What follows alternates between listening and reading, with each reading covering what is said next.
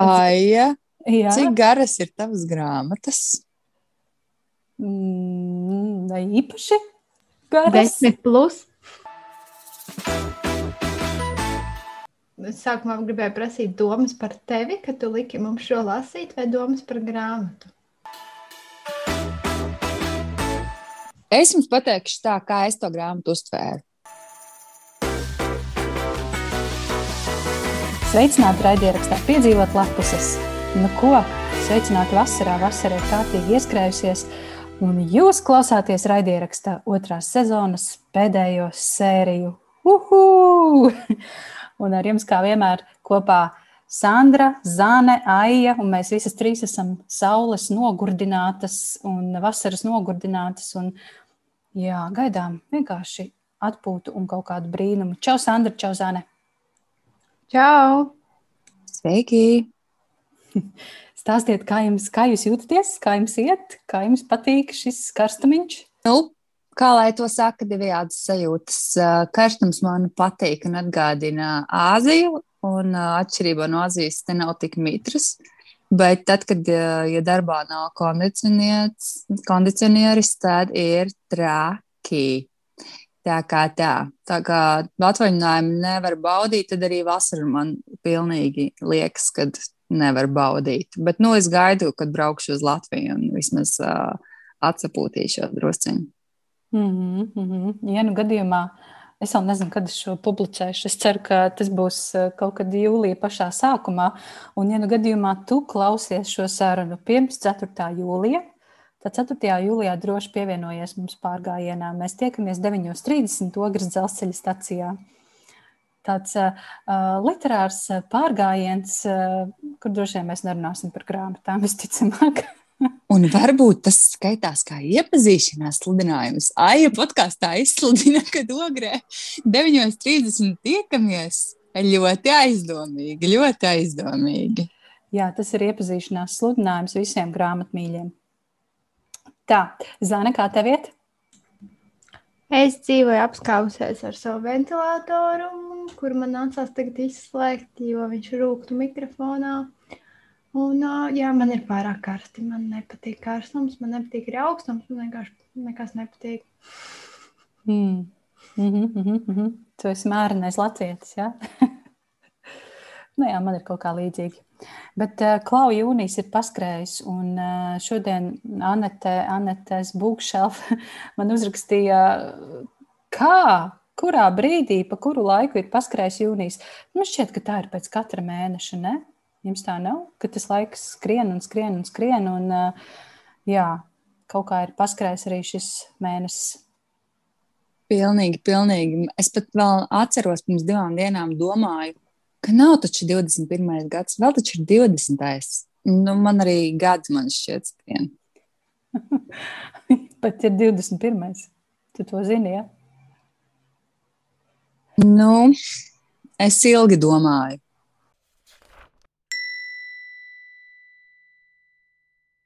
Es domāju, ka mēs varam sākt mūsu sarunu par grāmatām, bet pirms mēs sākam sarunu par grāmatām, es gribu pateikt paldies visiem mūsu patroniem. Šomēnes mums nav jauna patrona, bet es domāju, ka raidieraksta sezonas noslēgums ir īstais brīdis, lai nosauktu visus mūsu patronus, jeb atbalstītājus vārdā.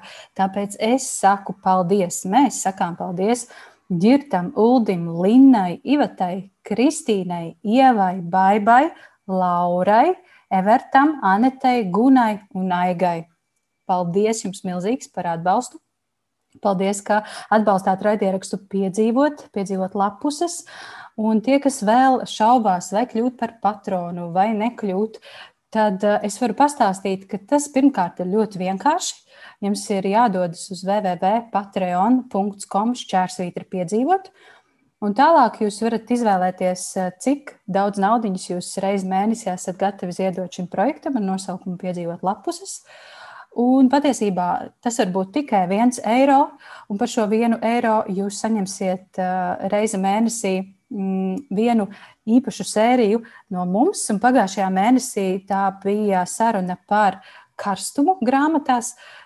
Jā, tā saruna gan iznāks pašās, pašās jūnija beigās, jo es tiešām goda vārds esmu tik ļoti saules un dzīves nogurdināta, ka es nespēju pieķerties klāt montāžai, bet es to noteikti izdarīšu un jā, tūlīt jūnija beigās tā būs iznākusi. Dāmas par karstumu, vai jums vēl pēc sarunas ienāca prātā kaut kas, ko jūs varētu piemetināt šai tēmai? Nē, īsti nekas. Nē, man liekas, mēs jau ļoti daudz ko izrunājām. Jā, mums bija īstenībā diezgan grūti atrast grāmatas, karstās grāmatas. Jā, ja jums ir kaut kas piemetināms šai tēmai, pie, pie, pievienojams, kāds ieteikums, tad noteikti padalieties pirms tam kļūstot par patroniem. Jā, šī ir raidieraksts sezonas pēdējā sērija. Un mēs dosimies divu mēnešu atvaļinājumā, bet es ceru, Zāni un Sandru pierunāt jūlijā un augustā. Tātad, attiecīgi, vēl divām patronu sērijām. Varbūt, viņas arī piekritīs. Varbūt viena, varbūt otra, varbūt abas. Tad jau redzēs, kā mums veiksies. Uh, Un mēs noteikti izdomāsim interesantas tēmas, par ko parunāt tieši jums, patroni. Bet pārējiem, jā, tad gaidiet mūs atpakaļ septembrī, bet neslēdziet vēl ārā, jo mēs tagad runāsim par to, ko labi esam izlasījušas jūnijā.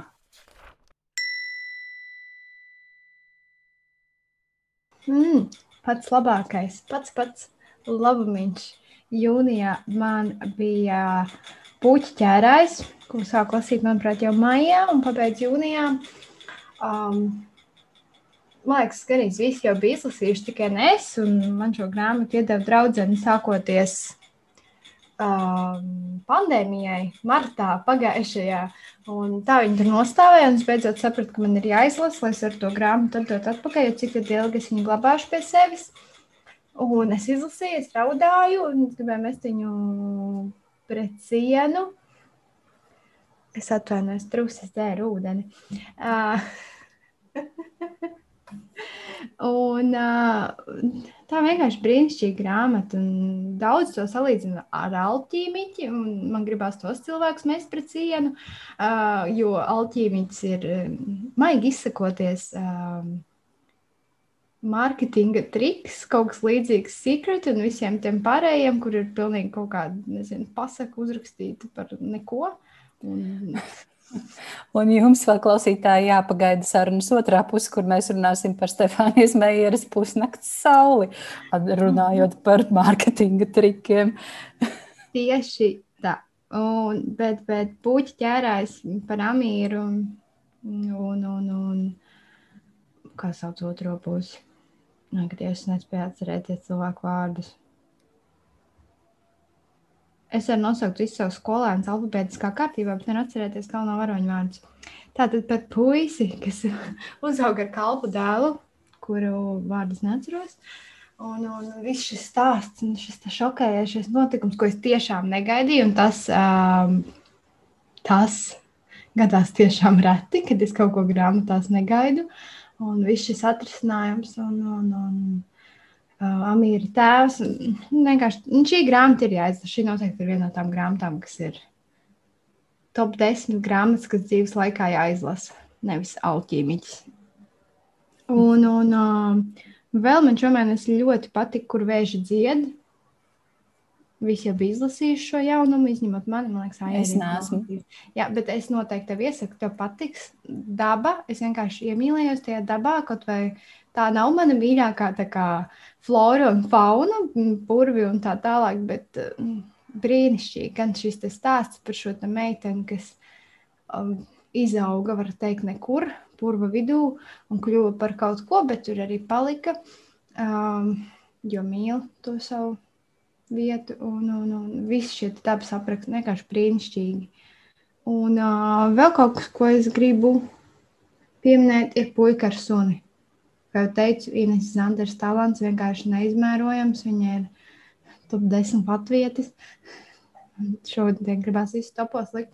Un plus reiņa ilustrācijas vienkārši nu, brīnišķīgs kopdarbs bērniem tieši Un tā kā pēdējos gados sākam tiešām runāt par visām šīm tēmām ar bērniem, tad šis ir tāds nevis gluži atstāts par to, kas notika, bet caur bērnu acīm par to, kā tas bija. Un, man liekas, tas ir rītīgi forši, kā tik galā ar bailēm un neziņu.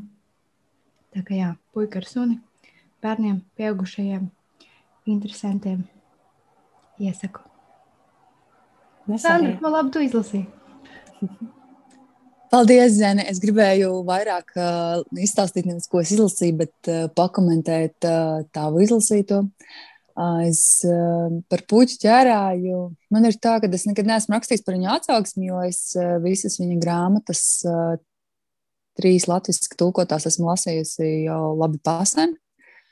Un, tas, man liekas, ir tāds tiešām sirds grāmatas, par kurām daudz neko negribas stāstīt. Jo liekas, tiklīdz tu sāc stāstīt, vai tās emocijas izlikt ārā, vai pārliecināt cilvēku, kāpēc viņam tas būtu jālasa, kad pazūd kaut kāda tā burvība. Jo tās emocijas, ko dod lasot grāmatu, ir tik, tik īpašas, Tāpēc es negribu teikt, vienam, ejiet, lasiet, un jūs uh, saņemsiet to un šo un to, jo uh, varbūt kaut ko ļoti lielu gaidot, jūs to uh, nu, tiešām nesagaidīsiet, jo nebūs īstais moments. Bet uh, visas viņa grāmatas, tiešām visas viņās ir kaut kas tik ļoti cilvēcisks, tik ļoti sirsnīgs, tik ļoti tāds, kas saviņo un saraudina. Un, uh, Vispār, ja tev patika arī puķi ķērājs, tad izņemot to, ka tev jāizlasa arī pārējās viņa grāmatas, un Kalna atbalsoja un tūkstots sauļu mirdzums, tad es ieteiktu izlasīt arī The Beekeeper of Aleppo. Tas ir cits autors, bet arī par, par Sīriju un par bēgšanu, un tā ir arī tik ļoti, ļoti skaista grāmata. Reizē šausminoša un smeldzīga, bet tik skaista un tik tāda dziedinoša, un tajā pašā laikā arī acis atveroša. Un tad tā ir tāds tā papildinājums, jo es zinu, ka ļoti, ļoti daudzi, uh, vismaz tie, kas lasījuši, es nezinu pagaidām nevienu cilvēku, ko, kuru atstāja, teiksim, puķu ķērājs pavisam vienaldzīgu vai negatīvu, bet, ja jums patika tas, tad jums ir jāizlasa The, Bee, The Beekeeper of Aleppo. Pagaidām viņi ir tikai angļu valodā. Uh, un uh, par uh, otru grāmatu, kas bija otra, es jau zinu, aizmirsu atgādinājumu. Par vēža. Ah, par vēža dziedu, jā. jā.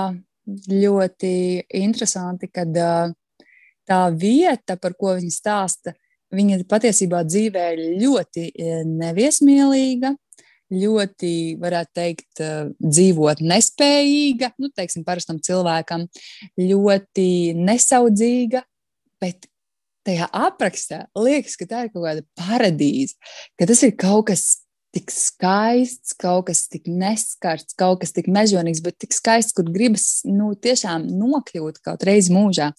Un, uh, Es jau citās, man liekas, sērijās stāstīju tieši, cik mani sajūsmināja pati arī autora, Jo tā kā viņa ir nu, bioloģija dzīvojusi pati savvaļā un neskaitāmus gadus Āfrikā, un tiešām tā guļot teltī, kad pie viņiem nāca ciemos ziloņi un lauvas un leopardi un hienas, nu, tu vari just, ka viņa ir tik saugus ar to dabu, ka, nu, man liekas, to neviens cits nevarētu izstāstīt.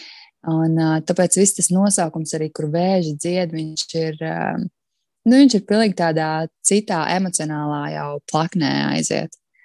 Um, Man liekas, ka tur arī tas grāmatas skaistums var just, kaut vai tā ir autors debija, kas ir vienkārši apbrīnojami, ka viņi ir ar to dabu saugusi kopā. Viņa redz to, ko mēs vispār nekad nepamanītu. Viņa jūt visu, kā aug katrs stiebriņš, kā katrs putns savus spārnus sabož, viņa visu to jūt un visu to māku vēl uzrakstīt. Tas ir vienkārši neaptverami. Es ceru, ka viņa rakstīs vēl, jo tikai dēļ šiem aprakstiem, kaut vai tas sižets nav tik svarīgs, kaut arī tas bija ļoti interesants.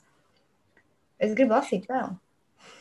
Gribu. Jā, nu es nezinu, viņa ir diezgan uh, cienījamā vecumā. Es nezinu, vai viņa vēl paspēs ko uzrakstīt. Es ticu, ka viņai, uh, uh, kā lai saka, izdevniecības, man liekas, ar, ar, ar mietu baksta, lai, lai viņi kaut ko rakstītu. Bet, nu, es arī to ceru. Bet, labi, pievērsīsimies grāmatām, ko es esmu izlasījusi. Es pārsvarā izlasīju grāmatas angļu valodā, un tāpēc es lasīšu par angļu valodām. uh, grāmatām. Uh, pir, Pirmkārt, jau mm, Zviedru uh, Bekmanu. Bekmans, uh, viņš ir vienkārši šogad, uh, man nezinu, es nevaru teikt, salas sirdi, bet man liekas, kā es gribētu tādu foršu draugu vīrieti, kurš ir tik asprātīgs un reizē tik sirds gudrs. Es tik ļoti gribētu, ka mēs varētu tā parunāties, pajokoties un uh, nu, tāds tāds kaut kāds dziļums viņā iekšā. Un kuru grāmatas no viņiem uh, izlasīju? Tā nav pukot latviešu. Uh, es pateikšu jums tūlītās nosaukumu. Uh, to viņš raksta savam dēlam. Un, uh, tā ir pavisam tāda tā kā, īsi, īsi mazi, mazi, mazi stāstīņi, un uh, tā grāmata arī nav bieza. Viņa sauc Things My Son Needs to Know About the World. Un, uh, tas tieši tā arī ir. Uh, par lietām, kuras viņš grib izstāstīt dēlam, ko viņš ir iemācījies. Bet šīs lietas ir tik smieklīgas. Nu, viņā ir tāda ironija, viņš smējas par sevi, par citiem, par visām tām bērnu lietām. Tas ir vienkārši unikāli, bet tas humors ir arī tāds, kur, protams, kāds mamīts var teikt, šī tā nevar jokoties, šī tā nē, kurš taču tā jokojas par to. Bet viņā ir tas var just, ka viņš ir pirmo reizi tēvs. Un šī grāmata ir jāizlasa nevis bērniem, bet pilnīgi viņš to stāsta jaunajiem vecākiem. Un es domāju, katram, pilnīgi katram jaunajam vec, vecākam uh, šis ir jāizlasa. Ja jūs lasījāt um, par tēti, kurš bija palicis viens, bet ko sarakstīja sieviete, un tas man visvairāk grāmatā nepatīk, kad man visur spiedās cauri tās sievietes sajūtas, Tad šī ir tiešām grāmata, ko ir sarakstījis vīrietis, tiešām par savām sajūtām, par neiedzībām, ko viņš redz, teiksim, bērnu audzināšanā vai tur, nu, mm, par visādām lietām. Un es vienkārši skaļi ķiķināju. Un, uh, un uh, es klausījos audio grāmatu, un es eju pa ielu, un es skaļi smējos. Jo vienkārši Nu, viņam tas humors ir tik labs, jo viņš visu laiku smējas par sevi, jo viņš jau ir nokļuvis tajās situācijās, sākot par uh, IKEA. Un, nu, kā, kā, tā kā viņš dzīvo Skandināvijā, tad viņš arī stāsta par, uh, nu, vai, nu, teiksim, kas ir populārs uh, kaut kāds sporta veids vai par, par IKEA kā veikalu, ka, kas ir jāzina. Un, uh, un, un vienkārši es, es to iesaku jebkuram vecākam izlasīt, sevišķi, ja viņš ir pirmo reizi vecāks. Nu, tādas lietas ir jāzina vecākam. Un tajā pašā laikā tur ir ļoti, ļoti liela sirsnība. Viņš tur uh, var just, viņ, cik viņš ļoti mīl to dēlu un uh, cik viņš arī uh, jūtas tajā pašā laikā atbildīgs un tā neziņa viņam, kad ir ienācis uh, tas bērns viņa dzīvē un tā milzīgā atbildība, ar ko saskars uh, jebkurš vecāks. Uh, nu, tas ir vienkārši. Nu, protams, ja jūs zinat, kas ir uh, Bekmans un kā viņš spēja salikt kopā traģisko ar humoristisko, tad šī grāmata ir nu, tāds tiešām mm, viņa pasmiešanās par viņa neveiksmēm. Jo viņš, ja citās grāmatās viņam ir tie izdomātie tēli, mums nav ne jausmas, vai viņš ir kaut kur ņēmis, nezinu, prototipus no kaimiņiem vai draugiem, tad šajā grāmatā viņš ļoti daudz par sevi raksta. Sākot no tas, kas viņam patīk, vai kā viņi tur ir āliņši, vai, vai vai, kā, vai cik viņš ir neveikls, vai viņam tur ir, nezinu, liekais svērs. Nu, viņš par sevi visu ir pasmējis. Un tad šeit, ja jums patīk uh, Bekmans kā rakstnieks, tad jūs uzzināt par viņu tik daudz, nu, tādas lietas, kur viņš pats sevi redz, ka viņš ir uh, salīdzinot ar sievu, tur nezinu, nemāk dējot. Nu, nu, viss kaut kādas tādas lietas. Tā, es noteikti iesaku, ja ir iespēja kaut vai, nezinu, noklausīties vai vai dabūt kaut kur uh, angļu valodā šo grāmatu, jo viņa ir nu, tiešām īsta stāstīņa. Es domāju, ka kurš, kurš māca angļu valodu, spēs uh, pacelt šo grāmatu. Tā kā noteikti es par to neesmu uzrakstījis vēl atsauksmi. Žēl, ka šo nevar uzreiz uh, verb, uh, kaut kādā veidā caur uh, verbālo uzreiz rakstiskais parādīties un būt uzreiz atsauksme rokā. Bet uh, par skumjāko stāstu, ko šomēnes nav sanāca lasīt, ir um, Ismaila Beha mm, A Long Way Gone. Mm, tas ir patiesa stāsts, uh, viņa dzīves stāsts par, uh, par Sierra uh, Leoni uh, un uh, viņa, teiksim, notikumiem kā um, bērnu kareivim. Un, uh, tas, protams, ir ļoti traģisks stāsts. Sierra Leone no 92. gada līdz 2002. bija um, risinājās uh, iekšējais uh, civilu karš, un, uh, kurā tika iesaistīti uh, nu, vismaz puse no, no tiem, uh, kas cīnījās, bija bērni. Un, uh, līdz ar to šis ir ļoti, ļoti tāds uh, traģisks atskats, uh, kur viņš stāsta savu piedzīvoto. Um, bet nu, es arī ielikšu atsauksmi, kaut ko izlasīt vairāk. Tie, kas lasa angliski, mm, to es noteikti ieteiktu izlasīt, jo vēl joprojām daudzās uh, Āfrikas valstīs ir uh, izplatīts, uh, kad uh, bērni tiek izmantoti kā karēvi, jo viņi ir uh, vieglāk manipulējami. Un tā kā tiek viņiem dotas narkotikas, sākot no marihuānas, kokaīna un alkohola un LSD lai, un ekstasija, lai, kad paliekot atkarīgi, lai viņi, teiksim, nedomātu, bet spētu dienu un naktī karot.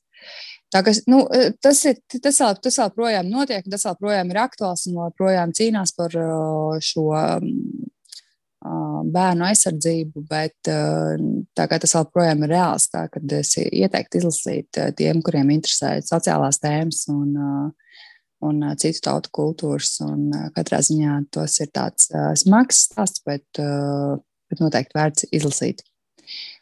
Par citiem trilleriem, jā, mm, grāmatu ir daudz, vēl ko varētu stāstīt, bet es šoreiz laikam došu uh, raidlaiku Aijai un uh, lai nepārvērstos par manu monologu. Par manu jūniju. Mans jūnijas bija mazāk par lasīšanu. Man šķiet, ka es nezinu, man liekas, es vispār nelasu. Nē, es kaut ko lasu, bet tas, tas nāk ar tādām kaut kādām lielām grūtībām. Tāpēc es priecājos, ka jūnijā bija daudz foršu bērnu grāmatu, kurus es ar prieku šķirstīju un, un jā, priecājos par ilustrācijām un visu, ko nu bērnu grāmatas piedāvā. Bet uh, jūnijā es aprunājos arī raidierakstā Raidnīca. Tas ir Latvijas radio raidieraksts par raidierakstiem. Tā kā, ja jums interesē, kā top un kā tapis uh, raidieraksts piedzīvot, uh, droši dodieties Spotify un paklausieties tur šo sarunu ar mani. Tā bija interesanta pieredze. Un, Nu, Ziniet, kā par sevi parunāt, jau vienmēr ir interesanti. Bet, jā, paldies Dacei Kreierei, kas, kas veido un vada šo raidierakstu par uzaicinājumu. Un, nu, pat, nu, pat es noklausījos raidnīcas sezonas pēdējos sēriju, kurā runāja Rasa Bugavičūte Pēce un Gatis Maliks. Viņi veido raidierakstu Pīpētavas sarunas. Tas ir Liepājas teātra raidieraksts. Un man atkal jāsaka milzīgs paldies Rasai par manis atzīmēšanu, par raidieraksta piedzīvot lapuses atzīmēšanu, jo kaut kā viņa kļūsi par vienu no aktīvākajiem šī raidieraksta faniem, nu, tādā ziņā aktīvākajiem, ka pastāsta par to dažādās publikācijās, gan žurnālā OK, gan žurnālā ir. Un tagad arī šajā te raidierakstā milzīgs paldies par to. Es to ļoti, ļoti novērtēju. Un Rasa, mēs, es zinu, ka tu iespējams visticamāk šo klausies, Rasa, mēs gaidām tavu grāmatu. Vai ne, dāmas? Jā, lūdzu. Man šķiet, es jau gadu gaidu, kad mēs runājām, ka mēs gaidām. mēs, mēs jau gadu gaidām. un, un visu gadu runājam jā, par to, ka rasa mēs gaidām tavu grāmatu. Pilnīgi noteikti. Un, ja kāds vēl, ja kāds vēl nav lasījis rases, buļbuļsaktas pēces grāmatu puika, kurš redzēja tumsā, nu tad lūdzu, labojiet šo kļūdu. Tā, bet par to, ko es izlasīju jūnijā, pavisam ātri gribu pieminēt trīs bērnu grāmatas.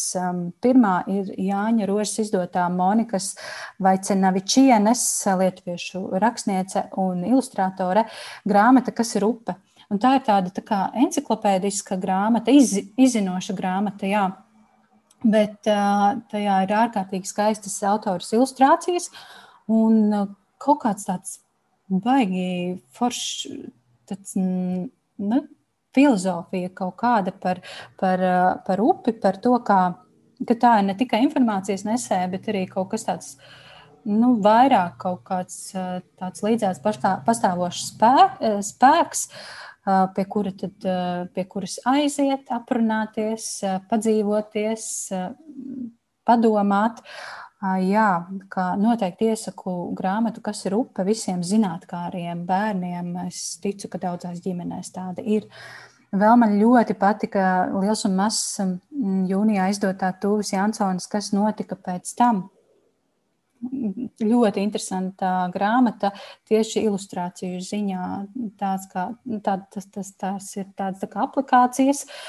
Tur ir katrā lapā ejas, kaut kādi izgriezumi, kur tas bērns var fantazēt un šķirstīt un pētīt un, un domāt. Un, un tas teksts varbūt kaut kur paliek pat tādā, nu, tādā negribētos teikt otrajā plānā.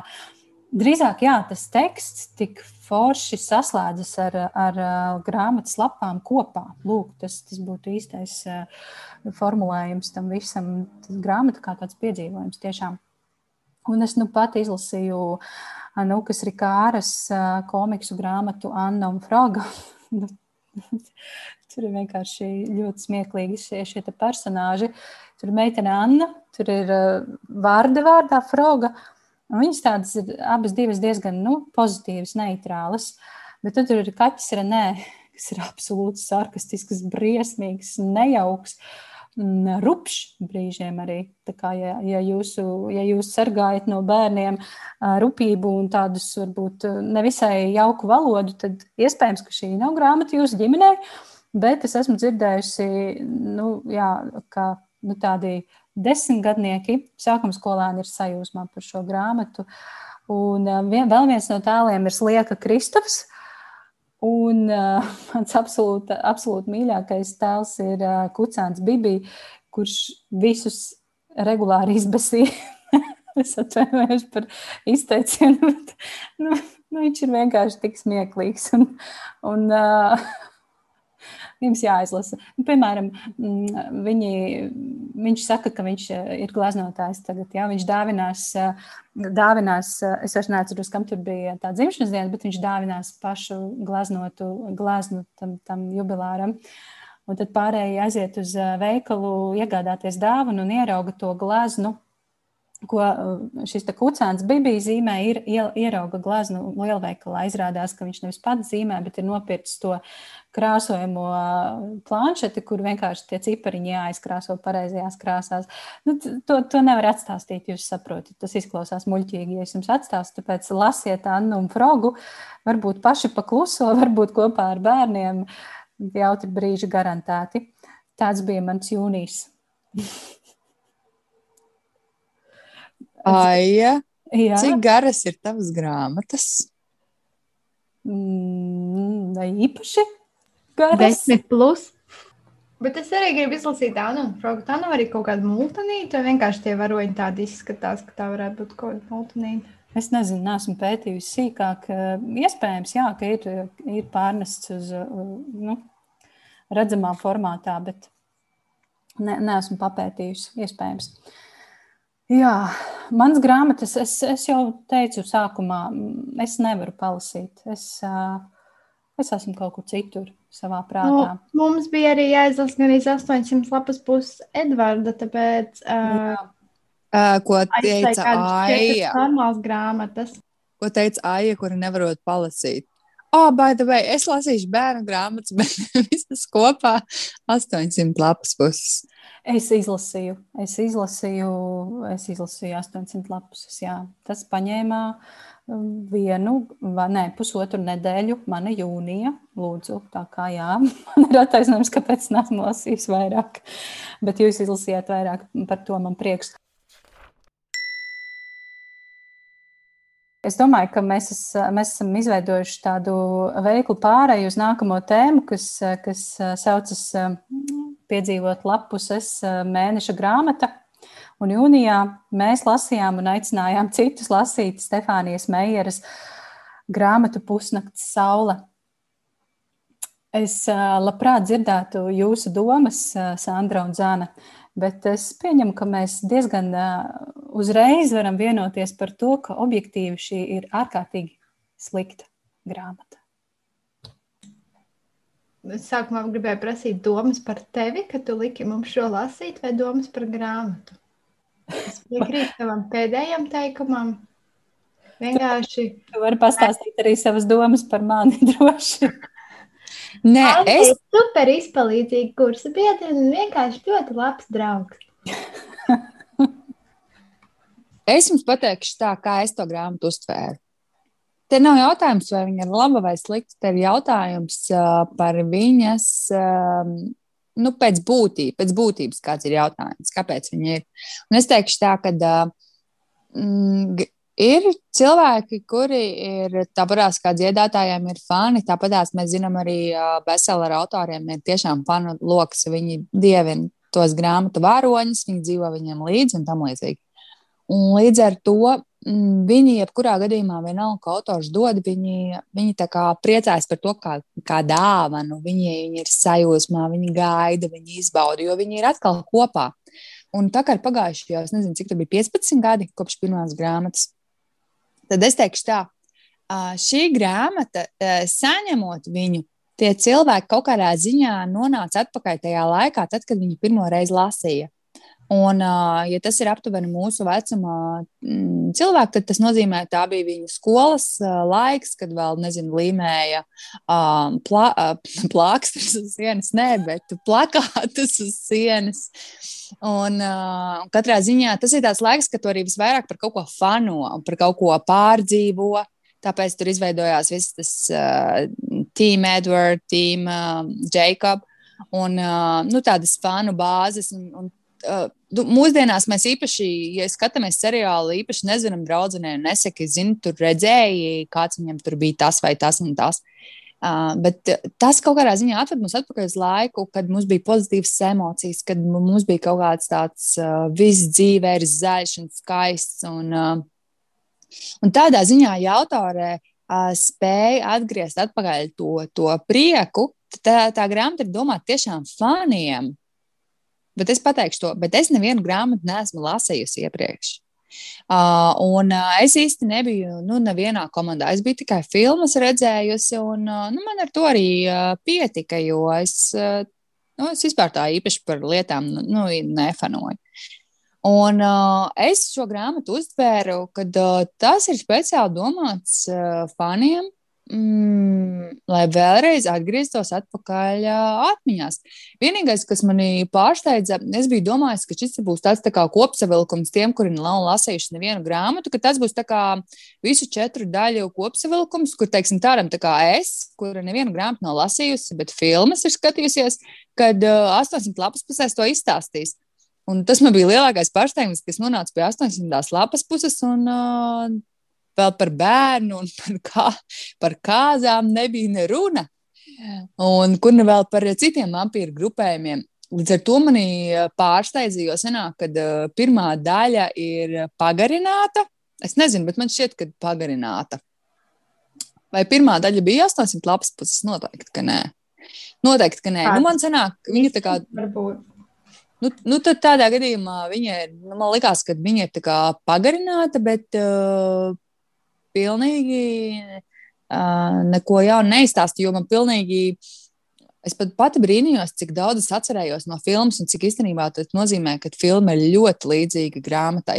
Jo es jau domāju, kurā mirklī tā mašīna nāks, un viņš viņu apstādinās, kurā mirklī to beisbolu spēlēs, un kurā uzrādīsies uh, tie pārējie vampīri. Līdz ar to mm, man tiešām bija pārsteigums, ka šī bija ļoti tas nu, sižets pietuvināts tiešām filmai.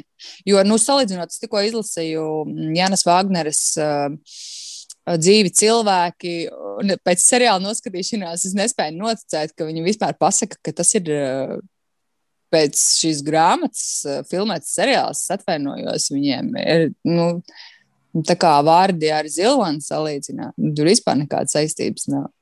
Tā kā tā, nu, tā es viņu tā arī uztvēru šo, šo darbu, jo es uh, neesmu fans līdz ar to. Um, nu, ko, es, ko, es varu, ko es varu spriest par to? Nu, katrā ziņā, tad, kad Zāne uzrakstīja Instagramā savu atsauksmi un uzrakstīja, ka, ta, ka šī grāmata ir nu, Edvards skatījums par. Tu, tur ir principā kvatroloģijas, vai kā to sauc, tetraloģijas pirmā daļa tikai no Edvarda skatu punkta. Es biju izlasījis apmēram pirmās 100, 150 lapas puses. Un man, godīgi sakot, vienkārši nolaidās rokas tajā brīdī, nolaidās vāki un viss pārējais, kas var nolaisties. Es domāju, ko 800 lapas pusēs šito visu pārrakstīt Un man jau tajā brīdī bija apnikusi tā mūžīgā atkārtošanās. Nu, cik var atkārtot, ka viņas labi smaržo un ka, ka ah, piedodiet, bet. Bet ziniet, ko? Pēc filmas man tā nelikās, bet pēc grāmatas man likās, ka Edvards ir stalkeris un viņā ir ļoti liela kontrolēšanas tieksme. Es tādam vīrietim būtu pateikusi, Ej, kišķe, ej projām, ej, ko tu man neteiksi, ko man darīt un ko man nedarīt. Es ļoti brīnījos, ka Bela ļoti pakļāvās šitam visam. Viņš būtu viņu apbēdzis savādāk, bet, bet cik es sapratu, sākums visai šī grāmata, šai grāmatai bija pati autori bija uzrakstījis online, nu, kur visi šie fani varēja lasīt. Jā, pašu to sākumu. Un tad kaut kādā brīdī viņi laikam izdomāja, vai arī kopā ar savu komandu, ka to varētu izdot. No tā interneta izņēma. Vēl ar kaut ko esot tur tiesājusies, kad uh, cilvēki. Bija nozagta tā grāmata. Es sapratu, ka nopludināja. Mm. Jā, un uh, tas varēja palikt internetā, goda vārds. Nu, es saprotu, ka fani grib, nu, bet, bet tad jau nebija kaut kas no Edvarda tās puses. Par daudz, nu, ko tas Edvards tur var muldēt visu laiku, 800 lapas puses, nu, kam on! Visa šī medicīniskās encyklopēdijas nav tik biezas. Viņš vienkārši sapņo, cik labi viņas mažo. Un tikai pirmā daļa. Nu... Nē, nu, jā, es piekrītu. Es daļai piekrītu tam, ko Sandra teica, ka šī grāmata būtībā ir domāta faniem. Bet no otras puses, es sevi pieskaitu faniem. Un šķiet, ka šīs grāmatas lielākā kļūda ir šis 15 gadu pārtraukums. Un vēl tās 800 lapus, ko mierīgi varēja saspiest čet, vismaz 400, ja ne, varbūt pat mazāk. Jā, es, es, biju, es esmu ļoti, ļoti vīlusies tiešām šajā pārnesumā. Ta, tas ir absolūti lieki un nevajadzīgi. Un patiesībā šī, šī, šī grāmata parādīja Edvardu no ļoti man viņš vairs neliekas simpātisks. Ok, iespējams, es esmu jau veca, un galu galā manas intereses ir mainījušās dzīvē, un mans redzējums par vīriešiem ir mainījies, mm, mani priekšstati un manas gaidas ir mainījušās. Bet, nu, bāc, nu, cik var čīkstēt, nu, goda vārds, nu, čīkst tā kā tādas vecas šķūnīšu durvis, nu, visu laiku viņš čīkst. Be the man! Vai ne? Vienkārši visu to grāmatu viņš čīkst, kad tad Bela ir neveikla. Tad, ja nu viņai kāds uzbruk, viņa ir tik neveikla, bet viņa tik labi smaržo, es varētu viņu nogalināt. Bet es nevaru viņu nogalināt, es viņu mīlu. Nu, mm, desmit, man bija desmit gadi, kad iznāca sakrāt. Tad es nelasīju, 25 gados es arī negribēju lasīt. Ko vārds? Films bija ok. Lai gan Bela kā varoni man nenormāli kaitināja, jo viņi vienkārši, nu, kas tas? Nu, iespējams, tas tēlojums bija diezgan neveikls. nu, jā, un, un uh, es nekad neesmu bijusi Team Edward vai Team Jacob, jo man viņi, neviens no viņiem nelikās simpātisks. Edvards izstījās pēc vienkārši kaut kādas marmora statujas, un Jacobs ar gariem matiem ir Nu, meh, īsāk sakot. Un arī tā grāmata. Nē, nu, aktieri man patika. Man patika tajā, tajā mirklī, tad, kad parādījās, jo man toreiz, protams, likās sižets ļoti oriģināls. Kaut gan es jau minēju savā cauksmē, ka mana pirmā vampīra mīlestība bija Brēts Pits no intervija ar vampīru. Zana, tad tev varbūt bija viens gads. Uh, jo, jo, jo man iespējams bija tikai kādi, nezinu, 9 vai 10 gadi. Bet tas bija jau cik gadus pirms tam. Tur arī šķiet bija ārprāts. Uh, Toms Krūss, man liekas, arī bija vampīrs. Tur bija daudzas slavenības vampīri, pirms viņi vēl kļuva par tik lielām uh, slavenībām. Un toreiz man likās, ak, Dievs! Tie vampīri ir tik seksīgi, un tu vari visu laiku dzīvot kopā, tāds jauns un skaists, un viss ir tik šausmīgi forši. Man tas likās, ka būt vampīram ir forši. Un tad parādījās pēc daudziem, daudziem gadiem, parādījās ne tikai vampīri, bet arī vilkači. Bet, jā, katrā ziņā es gribu teikt, ka pirmkārt, tu esi izaugusi. Otrām kārtām, visdrīzāk, tu nebiji kārtīgs mans. Nu, nu, laikam, nē, laikam, nu, laikam, tomēr tu nebiji. Nu, Pagaidā, nu, es iegūlēju, paskatāmies. Es gribu zināt, reālu, reāls īstu fanu atsauksmes. Tiešām cilvēki ir sajūsmā. Nē, nu, var jau būt. Es Nē, nu, nezinu. Vienīgais, kas vēl var pateikt, ka man nekad nav patikuši vampīri un vilkači un tāda veida fantāzija. Man patīk, nezinu, distopija un, un, un tehnoloģijas un tā, bet, starp citu, intervija ar vampīru iznāca 94. gadā, es tad nebiju dzimusi. Lūk, man jau bija tāds aizdoms. Jā, bet man nekad, filmas man patīk, jā, jo viņas ir izklaidējošas, un tu noskaties divas stundas un aizmirsti. Nevis tu pusotru nedēļu lasi vienu un to pašu teikumu vēlreiz, un vēlreiz, un vēlreiz. Un vēlreiz. Un tā grāmatā izdevumu. Mārketings, nu, reāls mārketings. Cilvēki pērka, jo vai tiešām viņi ir tādi fani, ka viņiem jau trīs ir un vajag to ceturto kolekcionāri, vai nu Viņi domā, ka tur būs kaut kas rīktīgi labais. Jo nekur nav pateikts, ka tā ir krēslas pirmā daļa tikai. Es arī domāju, ka tās būs visas tās trīs daļas. Mm, jā. Nu, jā, iespējams. Es nezinu, kaut kas tur galīgi nenostrādāja. Un, un visvairāk man.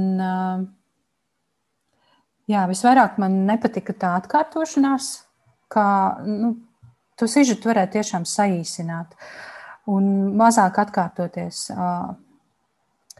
Un tas, kas, tas, kas man traucēja, bija mans, bija mans racionālais prāts. Mans racionālais prāts, kas man pieslēdzās, un es sāku uzdot jautājumus, ko es neuzdevu pirms tam 15 gadiem, kad es lasīju visu krēslas sēriju un biju sajūsmā.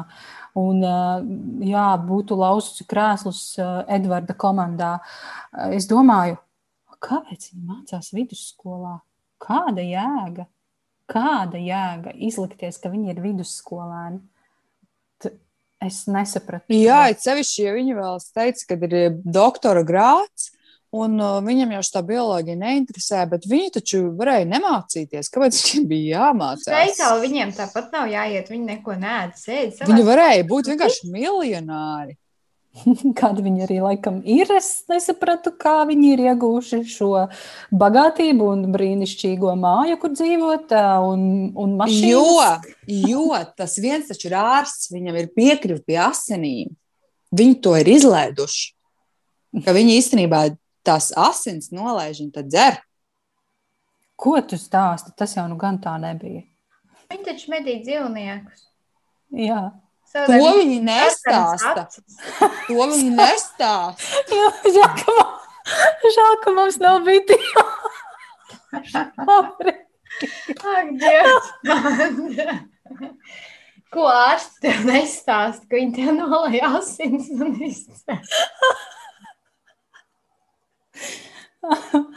ok.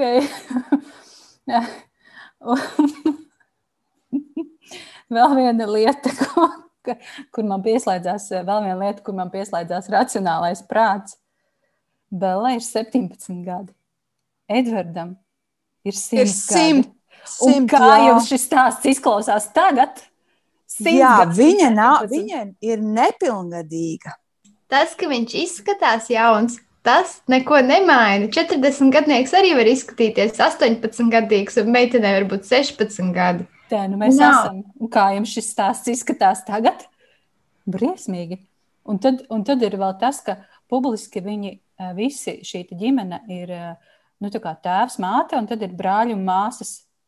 Kluso viņi ir pāri. Nevis pakluso, viņiem arī tajā skolā ir pāris. Viņi vienkārši ir adaptēti Un tas nemaz nav normāli. Tas, na, tas nemaz nav nenormāli. Tas nav incets nekādā gadījumā. Viņi nav asinsradnieki, bet viņi visi izskatās vienādi. Tas arī neko nemaina. Pilnīgi neko. Vienmēr sakot, jā, es eh, pieslēdzu racionālo prātu šai grāmatai, un, diemžēl, eh, jā, rezultāts iznākums bija tāds, kāds tas ir. Un uh, tad es domāju par Edvardu, kā par, par sapņu vīrieti, kas tajos, cik nu man bija pirms 15 gadiem, es neatceros, vairs nevaru sarēķināt, likās pilnīgi reāli un likās tik brīnišķīgi, ka viņš naktī stāv pie šīs jaunās meitenes gultas un wow, tas ir tik seksīgi. Tagad es domāju, what? Ko? Es jums saku, viņš ir stalkeris. Es visu laiku lasīju un nespēju noticēt, ka viņš visu laiku liek tajā guļamistabā un vi, viņš reāli kontrolē viņu.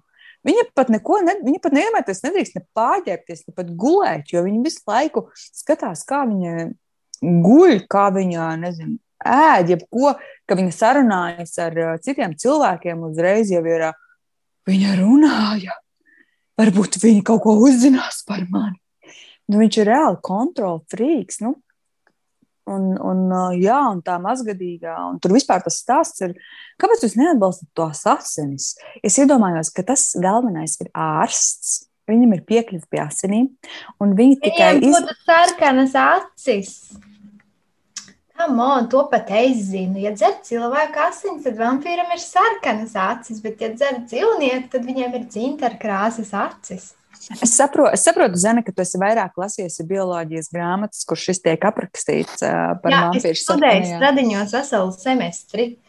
Va vampiroloģija. Vampiroloģija, jā.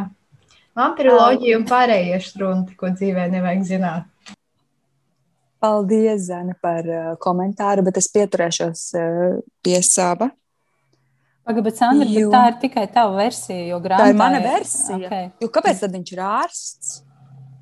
Nu, lai iedomājieties, ja viņam ar visādām situācijām. Bet viņam, bet viņam varbūt ir kādreiz jāoperē, un tur ir daudz asins. Viņš tas... ir ārsts. Ja nu viņš gribētu adoptēt vēl kādu bērnu, un kāds tur mirst, saprot, viņš varētu viņu izglābt, viņam būtu vēl kāds bērns. Paldies, paldies, paldies. Katrā ziņā man radās vairāk jautājumu. Tikai ar tiem pieciem. Viņa sievu. Ja nu gadījumā kāds nav lasījis Stefānijas Meijeras četru grāmatu sēriju krēsla un arī šo grāmatu pusnakts saule, tad mēs runājam par meiteni Bellu, kura satiek vampīru Edvardu. Un tur notiek mīlestība. Liktenīga, skaista, neizbēgama mīlestība, kurā, jā, neticama mīlestība starp cilvēku, cilvēku meiteni un vampīru vīrieti, pieaugušu simtgadīgu. Vislabāk man patika, ka Džekubam rīktīgi patika tā bēla. Pat vai tā nebija viņa izredzētā, jo nebija tā saikne. Tas bija tāpēc, ka viņš ieskatījās viņas meitā, kad viņa bija tikko piedzimusi tikai. Un tu jau paskrēji tālāk not, not, notikumiem uz priekšu. Tajā grāmatā arī vajadzēja tik tālu paskatīt notikumiem uz priekšu, bet kaut kā viņi nepaskrēja. Jā, jā, jā. jā. Oh, nu, es nezinu, ko, ko te vēl teikt. Es katrā ziņā esmu pateicīga izdevniecībai Zvaigznē ABC par to, ka mēs tikām pie šīs grāmatas eksemplāriem. Un, ja jums pēc šī visa briesmu stāsta, ko mēs tikko izstāstījām, tomēr gribas izlasīt Stefānijas Meijeras pusnakts sauli vai arī visu iepriekš izdoto un šobrīd jau pārizdoto grāmatu sēriju, tad uh, ieskatieties Zvaigznes ABC mājaslapā vai arī Zvaigznes ABC veikalos un droši iegādājieties šo grāmatu. Um, jā, es, es īstenībā domāju par to, kā būtu lasīt uh, grāmatas vēlreiz. Tieši nu, tās pirmās četras grāmatas kā vai man liktos tikpat absurdi un, un nepareizi viss kā šobrīd, jo tur, man liekas, nebija nu, šīs briesmīgās atkārtošanās, tur tomēr tas teksts bija koncentrētāks un, un noslīpētāks. Vai tomēr es tomēr esmu izaugusi un arī krāsas sērija man liktos ne īpaši veiksmīga. Tas ir interesanti, bet es šaubos, vai es šo teoriju pārbaudīšu. Vismaz ne šovasar. Jā. Kā jums, dāmas, varbūt jums sakārojās izlasīt pirmās četras? Nē. Nē. Man, lai gan, kad izdeva bada spēļu, to prequel par snovu, Uh, jā, man sakārojas izlasīt iepriekšējās trīs vēlreiz, bet šajā gadījumā man nesakārojas izlasīt pirmās četras uh, pirmo reizi. Nu, tāpēc vien var teikt, ka šī grāmata nu, nav īsti veiksmes stāsts, vai arī mēs nebijām īsta auditorija. Es nezinu, iespējams, mm, man ir mazliet žēl, ka tā, jo es tiešām uh, Es tiešām cerēju kaut kur atgriezties tajos uh, mīnus 15 gados. Man tas neizdevās. Eksperiments ir noticis. Dzīvojam tālāk. Bet man bija jautājums jā, par, par bada spēlēm, jo es neesmu izlasījis joprojām šo pirms stāstu. Es esmu izlasījis bada spēļu triloģiju, bet uh, šo pēdējo izdevumu, kurā ir uh, stāsts pirms bada spēlēm, nu, man nav kaut kā vēl pagaidām sanācis tam pieķerties. To ir vērts lasīt, Zana. Man patīk, bet jā, esmu badu spēļu fans. Un, uh, viņa bija diezgan drūma. Ne, nu, protams, badu spēles ir diezgan drūmas. Tur nebija mīl, nu, bija nedaudz mīlas nots, bet ne īpaši veiksmīgas. Un, bet, manuprāt, ir vērts izlasīt. Mm. Ja es lasītu pirmās trīs, tad noteikti būs interesanti paskatīties, kā tas novs izveidojās, kā viņš kļuva par psihopātu. ok, nu skaidrs, labi. Jā, esam tikuši galā ar Stefānijas Meijeras pusnakts sauli, ar šīm 800 lapus, lapusēm. Un es domāju, tā pēdējā vēsts, ko mēs varētu Stefānijai Meijerai virtuāli nodot kaut kā ar tādu domu mākonīti, ir tāda pavisam īsa ziņa. Mīļā Stefānija Meijere, Rafaelo pateiks vairāk nekā 800 lapušu.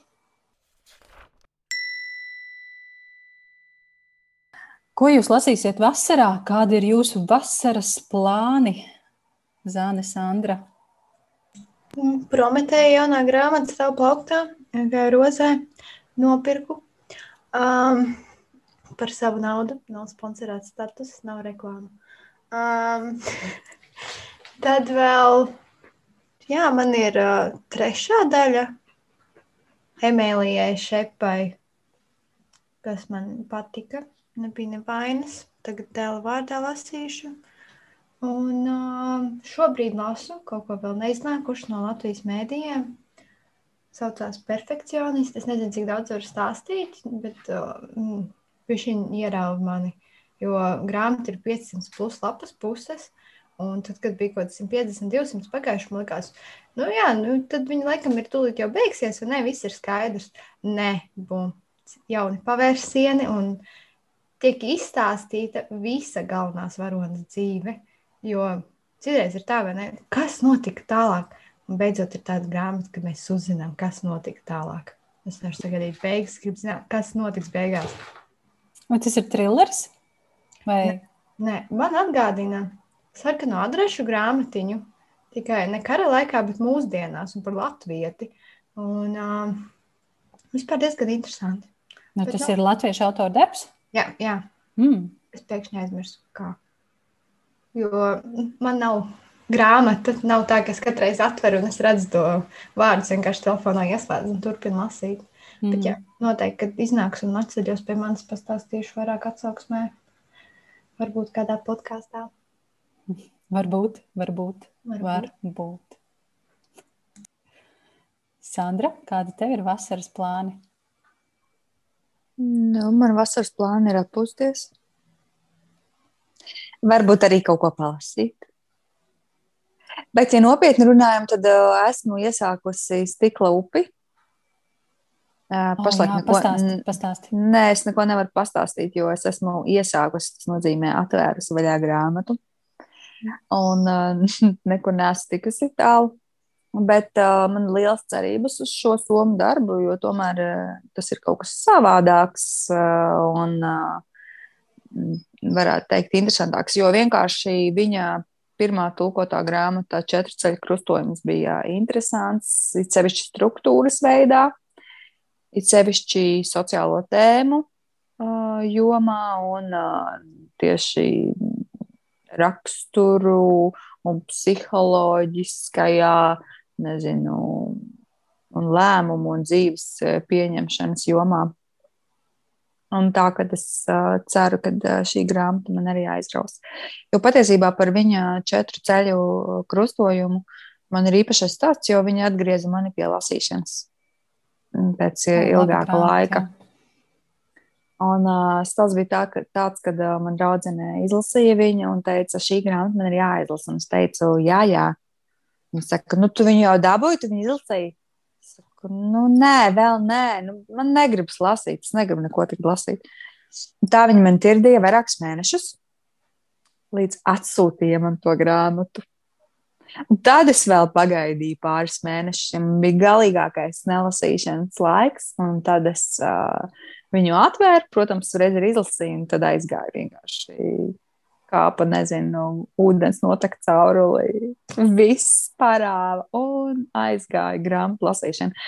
Tā kā tā bija tāda nesaistīta varbūt ar neko, bet kaut kādā ziņā atgrieza atpakaļ man pie lasīšanas. Tā viļņa, kad liekas, ka tev atkal tā sajūta ir, tik daudz jaunu grāmatu, tik daudz ko izlasīt, ko es vēl varētu izlasīt. Jāpaskatās, varbūt kaut kas izdevīgs, ko varētu nopirkt, kur es varētu iemainīt, ko es pie draugiem varētu paskatīties, kas viņiem tur labs grāmatu bloktā. Un, kad es esmu šitā viļņa, tad liekas ārprāts. Man dzīvē nepietiks, lai es visas tās grāmatas izlasītu. Un kāpēc tik daudz tik labas grāmatas tiek izdotas? Un tad, kad tas nelasīšanas vilnis, tad ir, nu, viņas tur ir, lai viņas tur ir, Es tāpat viņas nevaru visu, neko tur izlasīt.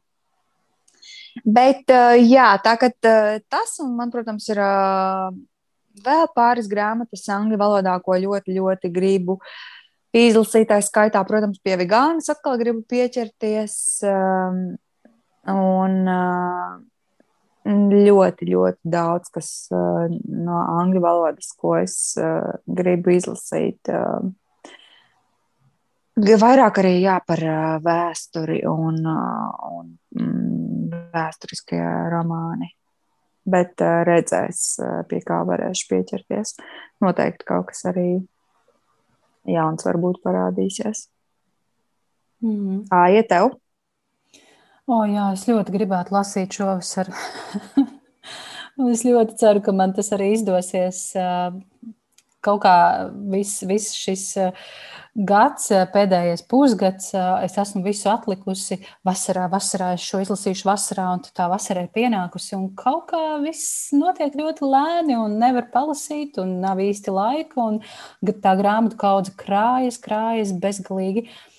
Man ir, eh, jā, šodien bija bibliotekā un dabūju trīs grāmatas bērnu nodaļā. Un ir Anna Starabiņas, trešā, trešais zērīgais detektīvs. Un vēl divas grāmatas no bērnu žūrijas um, izlases, kur man ir palikušas kādas piecas neizlasītas. Tad gan jau, ka šovasar es arī visas, visu šo bērnu žūrijas izlasi būšu pabeigusi. Uh, Man ir uz galda arī Jānis Eglis dzimšanas diena, ko es beidzot, beidzot gribu izlasīt. Un esmu iesākusi arī Prometēju jauno grāmatu Harijs, Harija Augusta pirmās 15 dzīves. Un katru reizi, kad es, kad es lasu kaut ko no Prometēja, man mazliet salūst smadzenes, un es lasu, un es nevaru nekādi iebraukt tajā konceptā, par ko ir šī grāmata.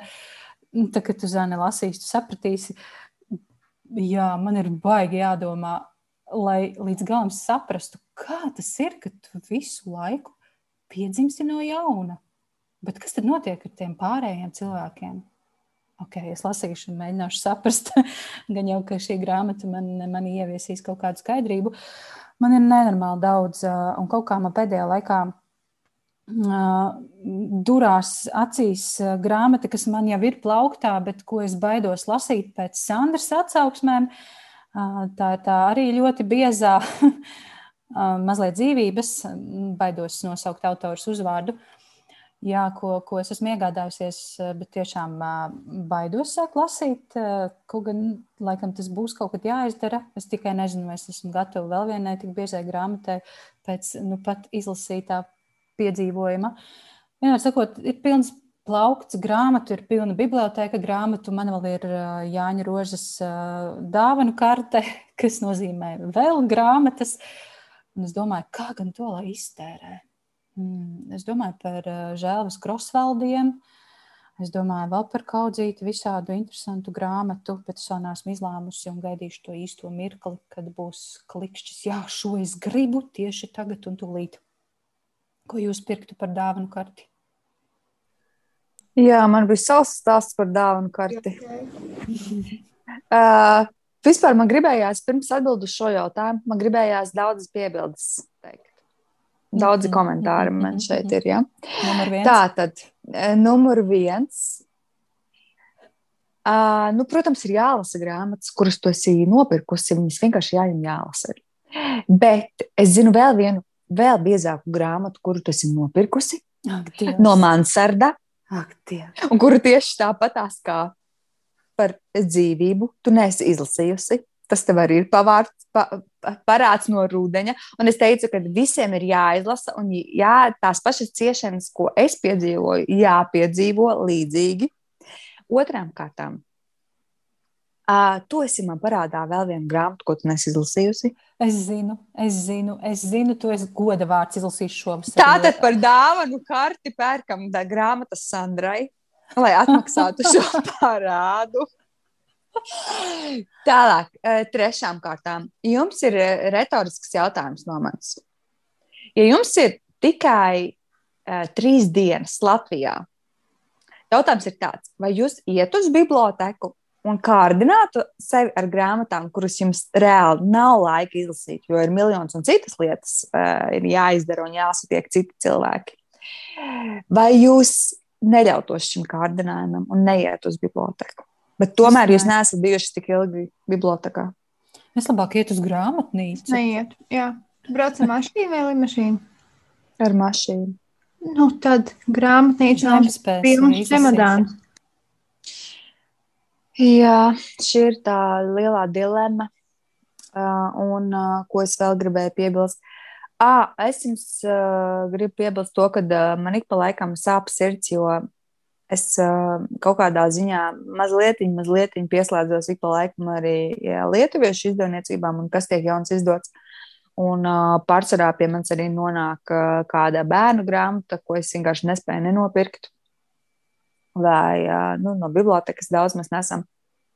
Un arī ir iznākušas tādas ļoti, ļoti vienkārši fantastiskas sēriju grāmatas no zviedru autora, kas Latvijā nav izdots. Un, kā mēs zinām, visi zviedriem ir parasti stāsti, kur kaut kur ir jādomā, kaut kas par draudzību, kaut kas par skumjām un kaut kas tāds neparasts. Un uh, tie zi- ilustrācijas ir tik skaistas un skumjas reizē. Sandra sauc vārdus, uzvārdus. Viņš zina, izdevēja mūs klausās. izdevēji mums klausās. Vienkārši ir tik daudz grāmatas, ko man gribētos, lai tiktu izdotas. Šis ir Mārtiņš Vidmārk. Nu, Tā viņa, man liekas, viņa grāmata ir iztulkota. Man ir visas trīs viņa grāmatas, kas ir šī ir par pērli un arī par māsu, kur ir pazaudējusi savu brāli. Tad viņa dodas viņu meklēt. Um, šis ir zviedru autora mm, tāda stāstīņa, bet viņiem ir, ir izdota arī um, vēl viena Ulfa Stārka grāmata. Šī, man liekas, ka šī arī Šī, tiek liekas, tulkota.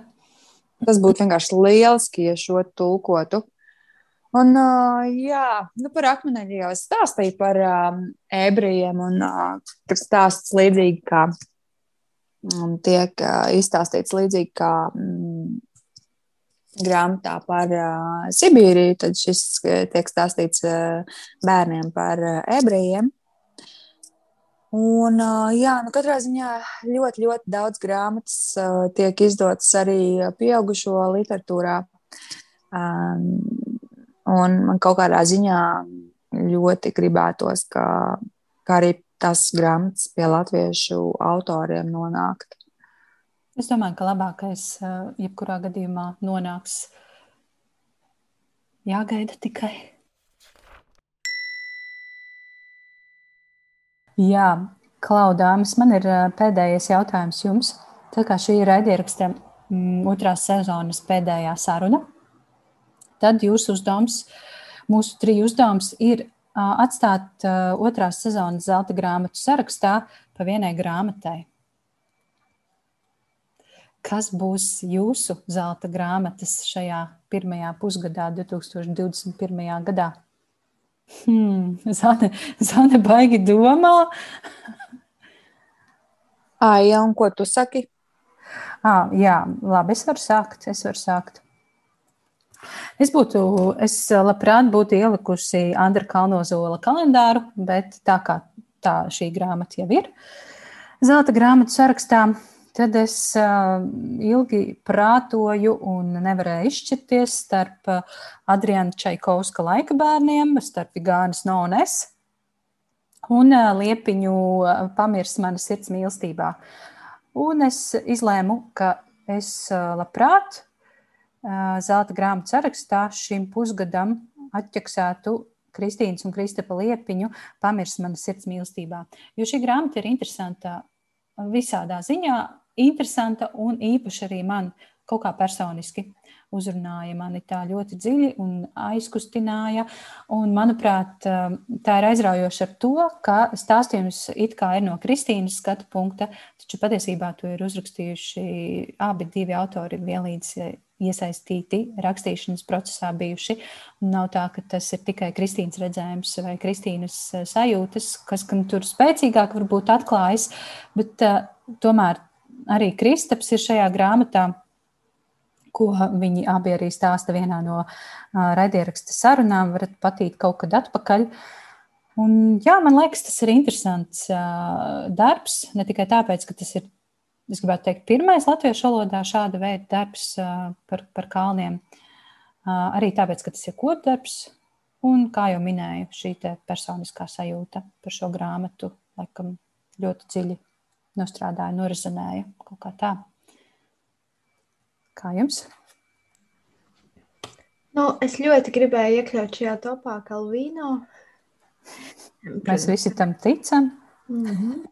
Bet Um, es nespēju neiekļaut Hāleda Huseinī pūķa ķērāju, par kuru jau es šodien runāju. Šogad man kaut kā nav baigi daudz labu grāmatu. Nu, tādu, ka piecas zvaigznes noteikti un uzreiz, un, un šī bija viena no tām, kas kliedza pēc piecām zvaigznēm. Bet Jā, nu, un es, kā jau tu pieminēji, arī cukuru bērns man arī šogad ļoti, ļoti patika. Vai Lauras Vinogradovas Laču kalns, bet, nu, es nevaru katru gadu nominēt Lauru. es jau ko es varu, bet nu, šoreiz puķi ķērājs. Lieliski! Paldies, un Sandra!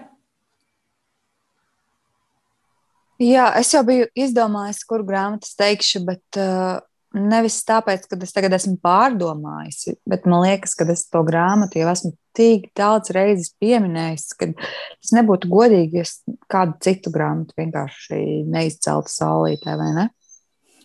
Tu gribēji teikt pušu? Jā, es gribēju teikt pušu, bet es vairs to neteikšu, jo man liekas, ka jo vairāk es runāju, jo vairāk man jau liekas, tas jau kļūst par tādu lamu vārdu. Es izdomāju, ka es pateikšu, nominēšu šim sarakstam kādu citu grāmatu.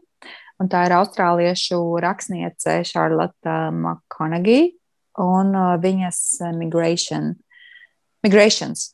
Um, tā ir viņas novele, kas uh, ir kā romāns, bet mazliet šeit ievies tāds, varētu teikt, fantāzijas elements, jo viņa vispār ir fantāzijas autora, fantāzijas žanra autora.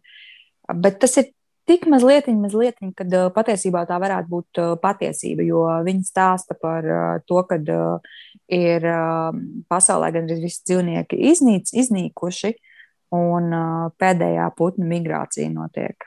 Nu, tā ļoti laba grāmata tā ir. Hū, dāmas!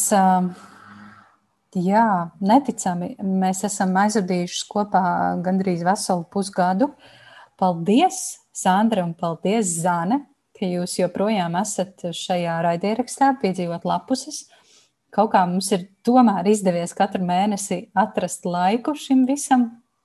Paldies, ka jūs dalāties ar savām domām, ka jūs, jā, jūs veltāt šim pašu dārgāko savu laiku, gan ierakstot sarunas, gan lasot mēneša grāmatas, pat 800 garus epasus, 800 lapušu garus epasus par nelaimīgiem simtgadīgiem vīriešiem. Nē, ja paldies tev par šo visu, ka tu uzņemies vēl joprojām, jo mēs jau tikai tādas klačotājs vien esam. Bet uh, tas darbs, kas tev tiek ieguldīts pēc tam, un visus cilvēkus sameklējot, un vispārējo, mēs jau esam tādā kā pagodinājuma statusā, jo mēs uh, vēl joprojām tiekam aicinātas uz uh, tavām ikmēneša un uh, nu jau div, divkārtējām mēneša satikšanām. Tā kā mums par to ir prieks. Nu, labi. Raudzīsimies, vai mums būs prieks satikties arī septembrī. Un, jā, ja tu klausītāji šo esi noklausījies līdz galam, paldies. Un paldies ikvienam, kas ir kādu no sērijām noklausījies. Uzraksti mums kādu foršu ziņu, uzraksti kādu vēstuli, kā tev patika šī sezona. Uzraksti, kura sērija tev patika vislabāk, uzraksti arī par to, kas nepatika un ko vajadzētu uzlabot. Es zinu, ka skaņa nav pati labākā, lūdzu, piedodiet, bet mēs pie tā strādājam, pateicoties mūsu patroniem. un gan jau, ka mēs skanēsim ar vien labāk un labāk. Un jā, ja gadījumā tev nav žēl, viena eiro mēnesī, droši pievienojies mūsu atbalstītājiem. Ko es vēlēšu jums visiem, gan tev, Sandra, gan tev, Zana, gan tev, mīļo klausītāji, skaistu vasaru, skaistus piedzīvojumus lapusēs. Es ticu, ka tas būs ļoti aizraujoši un interesanti. Un galvenais - atpūtieties. Vienalga, vai jūs lasāt, vai jūs nelasāt, atpūtieties. Jūsu pēdējais vārds, dāmas?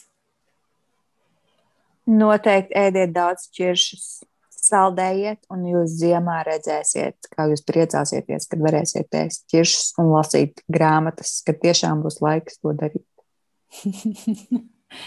ļoti burvīgs padoms.